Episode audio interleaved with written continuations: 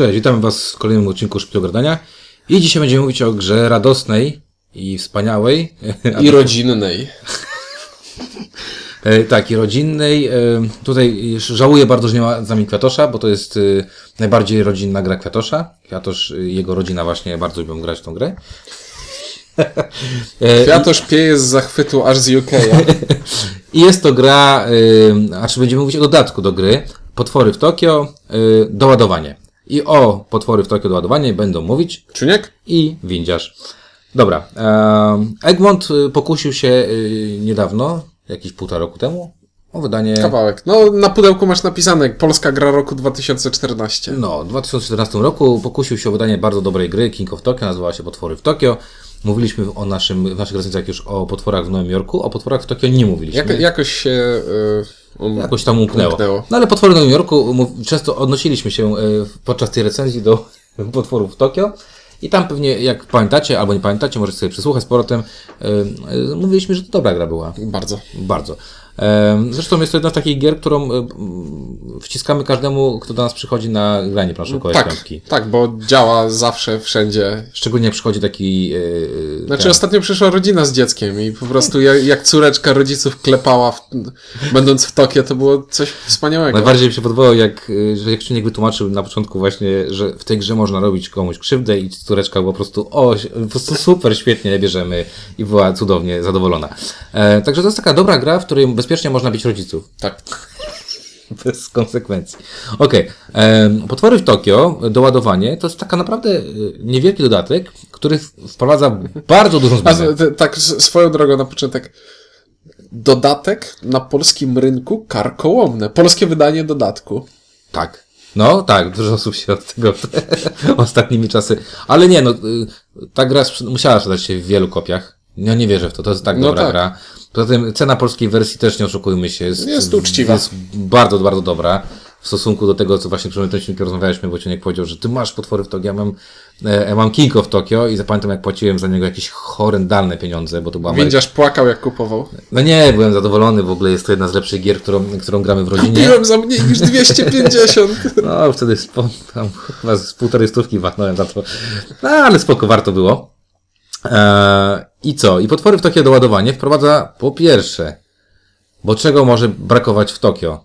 Kolejnego potwora. No. Oczywiście. I jest to Panda Kai, który po prostu. Yy, pamiętam jak wychodzi ta. Chlaszcze bambusem po twarzach. Pamiętam jak to była Ameryka, jak była, wychodziła ta y, jelowska wersja i Panda Kai mniej więcej zbiegł się wtedy z tym, z Kung Fu Kung Fu Panda. I po prostu było takie wow, szczególnie, że ja lubię Kung Fu Pandę, więc tak, bardzo mi się podoba. Poza tym więcej potworów to więcej, większy wybór, czyli więcej kłótni y, przy stole. No i chyba dzięki temu można na więcej graczy grać. Y, Panda Kai? Tak? Nie, chyba nie, nie można. No dobra. Nie no, A, dwa- dobrze. 2,6. Po prostu Tak, jest jeden- fizy- jest jeden potwór fizycznie, Fizycznie więcej. E, no dobrze. I teraz mamy Pandakaja. Pandakaj e, wprowadza tylko tyle, że mamy nowego potwora, a tak naprawdę doładowanie to jest Talia kart. to stadia kart, które nazywają się kartami ewolucji. I teraz tak, co się dzieje?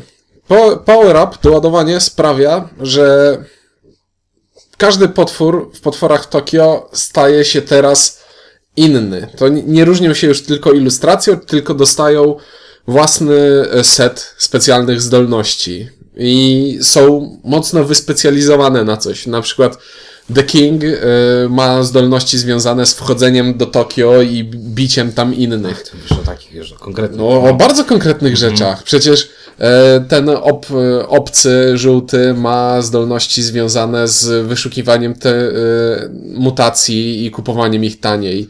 E, Królik jest nastawiony na zdobywanie energii. tak, Jest, i ze przemieniania tej energii w różne rzeczy, tak. No to, dosta- ale to właśnie no, tak pot, potwory dostają osobowość teraz. Nie? Ich osobo- osobowość potworów nie kończy się na ilustracji. Tak, osobowość potworów nie kończy się na ilustracji, tylko kończy się na tym, że mamy właśnie dwa typy kart, ewolucje czasowe i permanentne, bo to ważne. Bo nie można było użyć słowa stałe, by było dla, za proste. No ale to dobrze, to No roz- bardzo rozwijasz język. Horyzonty, polski. wiem. Tak. E, I tak jak powiedziałeś, y, to jest bardzo fajnie dobrane też jakby osobowościowo, tak? Oczywiście. Cyberbany mi się kojarzy z y, takimi króliczkami od Duracella i on ewidentnie dostał wszystko, co się kojarzy z energią, Baterie. tak? E, Mecha Dragon, czyli ten taki, jak pamiętacie, taki wielki, e, brzydki.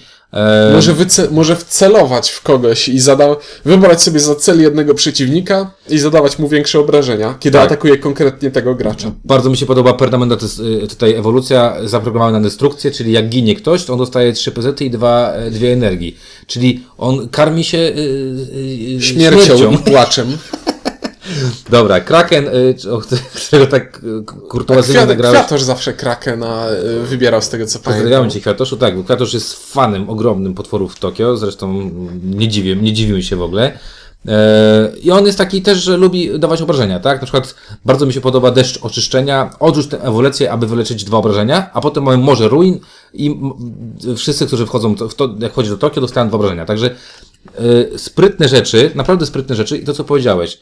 Ta gra przestaje być taką e, pustym polowaniem tylko i wyłącznie na karty rozwinięcia. Przestaje, przestaje być tylko rzucanką kostkami, tylko no wchodzi ten dodatkowy element kombinowania, bo kiedy możemy wykorzystać taką kartę? Kiedy możemy ją dobrać? Kartę możemy dobrać, kiedy wyrzucimy trzy serduszka.